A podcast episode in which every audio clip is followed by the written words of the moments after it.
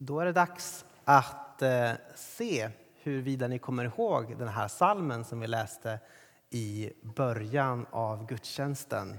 Psalm 33. Det kommer inte bli något förhör, men det kan bli lättare att komma ihåg om man eh, lyssnade där från början. Eller lättare att komma ihåg, lättare att följa med kanske, jag skulle säga. Någonting som jag tänker på när det kommer till den här salmen det är ju att det är någon nästan karnevalaktig stämning av glädje där i början. Det liksom bubblar i den här salmen. Och först och främst eh, så tar det sig uttryck i ganska mycket högljuddhet. Alltså, det är jubel, det är glada tillrop, det är distad harpa och lyror. Och det är, liksom, det är mycket ljud här i början. Och den stora anledningen till allt det här heliga oljudet, det är Herren. I honom har våra hjärtan sin glädje. Så där är liksom själva källan, själva anledningen till glädjen i salmen. Det är Herren. I honom har våra hjärtan sin glädje. Jag vet inte riktigt vad du tänker på när du hör eh, ordet glädje. Det skulle kunna vara, eh, för några av er kanske, eh, att det här efterlängtade barnet har fötts. Kanske någon trevlig fest där ni äter en utsökt vaktel, om det är någon som ätit en vaktel här inne. Eh, det kanske var att ni klarar av någonting som ni inte trodde att ni klarade av, till exempel eh, bestigit Kebnekaise eller något sånt. När jag tänker på eh, glädje så tänker jag på en liten video som jag ska visa alldeles strax. Och det är från när jag och eh, Sofia eh, gifte oss. Sofia är min fru, för er som undrar, uppenbarligen. Eh, och eh, eh, det här är när vi liksom bars in till bröllopsfesten. Sa jag bars in? Ja, det gjorde jag. Och...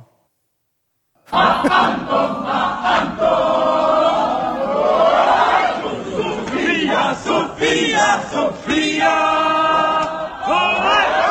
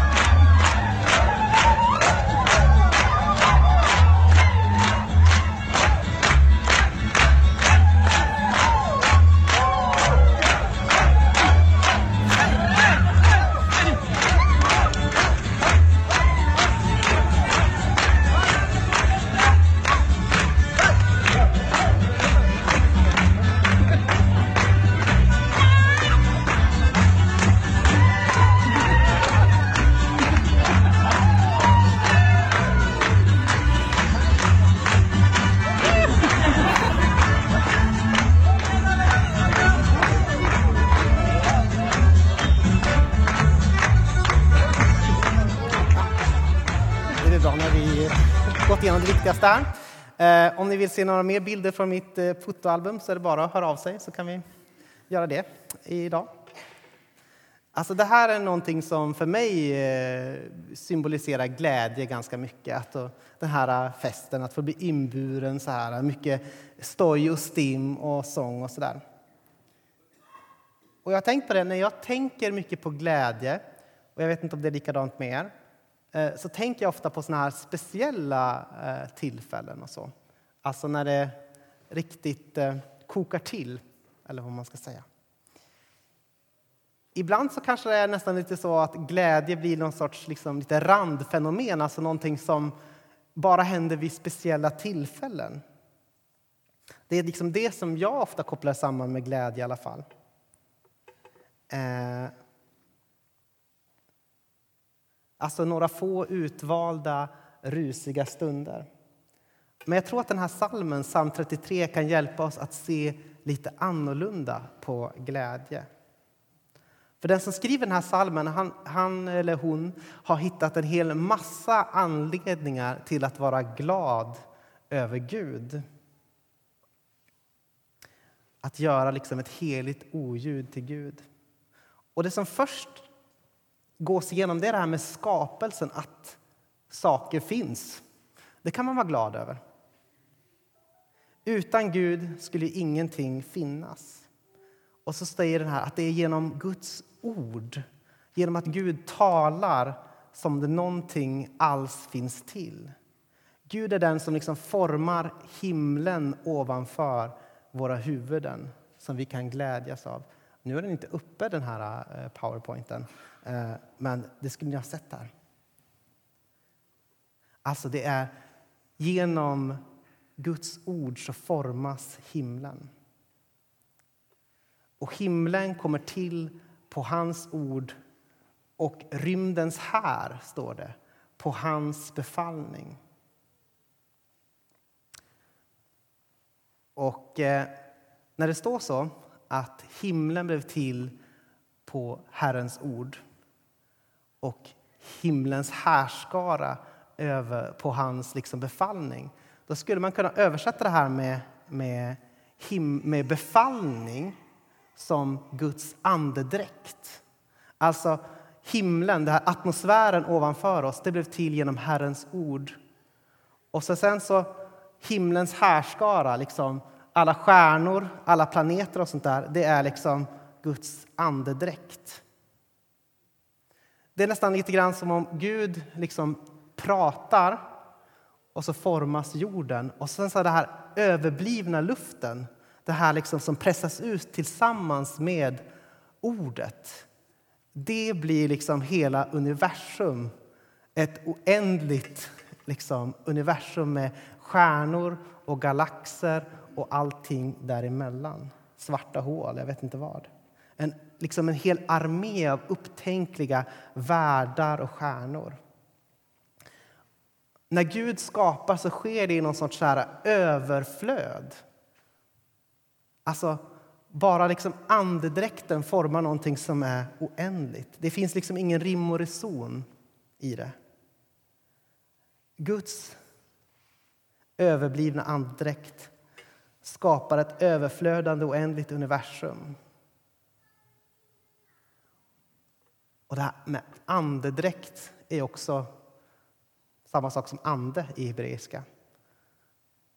Och, Gud, och Jesus han säger i ett tillfälle att Gud ger anden utan att mäta. Alltså Gud är någon sorts överflödande Gud som ger mer än vad vi kan förvänta oss. Gud är inte den som snålt mäter upp, utan Gud skapar frikostigt och han ger sin ande utan att använda decilitermått. Så där hittar eh, den här författaren, psalmförfattaren en anledning att vara glad. Och så sen så säger, eh, så säger han också lite längre fram att Herrens kärlek fyller hela jorden. Precis. Herrens kärlek fyller hela jorden, skriver den här psalmförfattaren. Det finns liksom en kärlek bakom allt det här som får solen och stjärnorna att röra sig, som liksom rusar genom trädtopparna, som bor ibland oss, som inte väjer för det som är fult och det som är skavt, som slår ner sina bopålar överallt. Det står också i den här samma versen att rätt och rättfärdighet älskar han, alltså Gud. Guds, Guds kärlek fyller hela jorden och rätt och rättfärdighet älskar han. Att Gud är liksom rättfärdig, att Gud är rättvis. Att Gud vill det som är rätt. Det står inte i konkurrens med hans kärlek. Det är två sidor av samma mynt. I hebreisk poesi så använder man någonting som kallas eh, parallellism. Nu har ni ett fint ord lärare, parallellism. Och det innebär att man, att man har först eh, det är två rader som sitter ihop så här, som ni ser. Rätt för rättfärdighet älskar han, Herrens kärlek fyller hela jorden. Och eh, då är det ofta så att den första eh, säger någonting, till exempel han talade och allt blev till. Och sen så säger den andra versen samma sak, fast med lite andra ord. Han befallde och det skedde. Förstår ni ungefär vad jag menar? Alltså att första raden motsvaras av den andra raden på ett sätt. Eller så kan det vara så att första raden eh, eller andra raden bygger vidare på det som den första raden säger. Och min poäng är att man åtminstone kan säga att rätt och rättfärdighet och kärlek verkar hänga tätt ihop för den här som skriver salmen. Det är liksom en vidareutveckling. Att Gud är rättfärdig, att Gud är rättvis det är ett annan sida av att han är kärleksfull.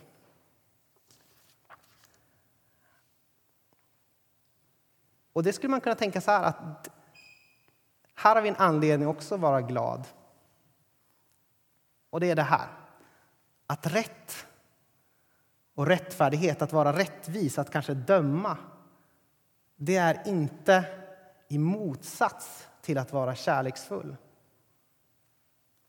För hos Gud så hänger de här sakerna ihop. Man kan inte liksom vara den som gör det som är rätt, den, vara den som är rättfärdig, den som liksom inte viker av mot dikeskanten utan går rakt utan att det också finns massor med kärlek med i det hela. Och om man försöker skilja de här åt, rätt och rättfärdighet och kärlek, då blir det konstigt. Eh, I Nya testamentet så pratar Jesus ibland med några som heter fariseerna och de är såna här som är väldigt noga med att det ska vara liksom rätt, att saker ska vara rättfärdigt. Och de är jättenoga. De tar alla sina kryddor så här, eh, som de har uppe på spisekransen och så delar de upp så. Eh, och 10% ger de till Gud av alla kryddor. För det liksom, de tycker att det är rätt att Gud ska ha sin del av liksom allt. Men samtidigt så liksom är de såna som eh, inte bryr sig så mycket om de som är svaga, de som inte liksom lyckas nå upp till eh, deras målbild och sånt där. Och då säger Jesus att eh, det här är någonting som är liksom fel. Det går liksom emot hurdan Gud är. Istället för att liksom visa barmhärtighet och kärlek så spetsar de människorna på bibelordets vassa spjut, som Nils Bolander uttryckte det. Och det som är det glada budskapet som, som den här som har skrivit salmen lyfter fram det är att kärlek och rättfärdighet hänger ihop. Att Gud är helig är bara ett annat sätt att säga att Gud är kärlek. Det är en anledning att göra ett heligt oljud. Och så sen så fortsätter den här salmen med att berätta lite andra så här skapelserelaterade positiva saker som eh, som fyller eh, henne med glädje. Och ett av dem som man kan tycka är eh, lite speciellt, det är det här. Att eh, som i en lägel samlade han havet och lada djupens vatten i säkert förvar. Vad är en lägel, undrar ni? Det är som en liten sån här skinnpung eller en skinnväska eh, som man går omkring med. Eh, och som man har vatten eller vin eller något annat i. Varför är det en positiv nyhet, en glad nyhet att Gud har vattnet i en liten skinnpåse? Inga spontana bud? Jo, men för, de här, för det här folket vid den här tiden så tänkte man sig havet som någonting som är skräckinjagande, som är hemskt, som inte går att kontrollera. Alltså det är bara ett kaos, massor med vågor och, och storm som liksom vi inte rår på. Det är omöjligt att kontrollera havet. Och då är de positiva nyheterna inte att Gud har liksom suddat bort havet eller tagit bort havet utan att Gud har havet i en liten skinnpåse. Att Gud har liksom kaoset på något sätt under kontroll. Det här mörka och kaotiska i tillvaron, det här liksom undervattensströmmarna som känns som att de kommer dra ner oss och aldrig släppa upp oss igen. Det på något sätt har Gud kontroll på. Och kanske går det att jämföra med en skogsbrand. Någonting som många står liksom maktlösa inför. Som vi känner att det här är någonting som vi inte har kontroll över. Och budskapet i den här salmen skulle man kunna säga är inte skogsbränder finns inte, allt är bra, utan eh, Gud har kontroll ytterst sett över skogsbränderna. Varför finns det så mycket ont om nu Gud finns? är en klassisk fråga. Och psalmistens svar är lite annorlunda än vad vi kanske skulle väntat oss. Eh, han svarar inte jo, men det beror på att eh, det var så här att vi var frivilliga. Och så här. Utan han säger ja, men om Gud inte fanns då skulle det bara allting vara kaos hela tiden. Har du tänkt på det? Eh, ett stort formlöst vatten som skulle dränka allt liv eller en brand som skulle liksom bränna upp allt. Där tycker den här författaren att vi har en anledning att vara glada. Att det inte är ute med oss helt och hållet. Och det kan man fundera på, är vi mer, är vi mer arga på Gud över tillvarons liksom mörka sidor än vi är glada över att mörkret faktiskt inte har uppslukat allting? Att det alltid verkar finnas en gräns för kaoset. Det är en anledning att vara glad. Och den här salmen verkar faktiskt vara skriven i en ganska eh, kaotisk eh, tid. Eh, det finns... Eh, kan du byta bild? Där, ja. Eh, det finns i det här eh, landet runt Israel så finns det uppenbarligen massor med folk som inte är så fredligt inställda. Och psalmisten han, han, han eh, känner glädje, inte för att de här folken är utraderade från jordens yta eller för att de helt plötsligt byter planer utan snarare för att Gud jäckar folkens planer och gör deras avsikt eh, till intet.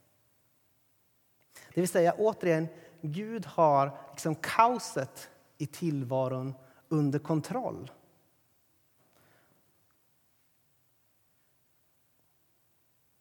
Gud är den som liksom spejar ut över världen, står det här eh, någonstans. Som liksom ser ut över världen, som ser alla människor, som ser alla deras avsikter, deras tankar. Och därför är det så att oavsett hur kaotisk en situation kan verka, hur liksom omöjlig den kan te sig, så är det ändå så att Gud ytterst sett kommer få, skulle kunna, kommer kunna arbeta igenom det här kaoset för att till slut nå sin vilja. Och då säger författaren här att det finns...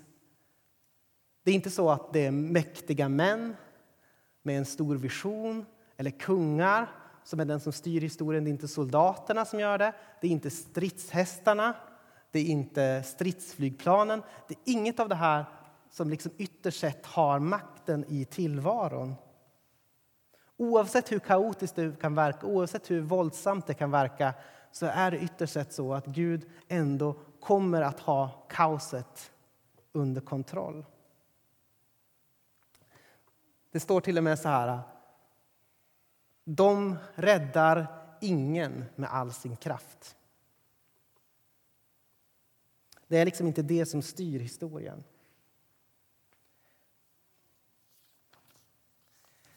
Okej. Okay.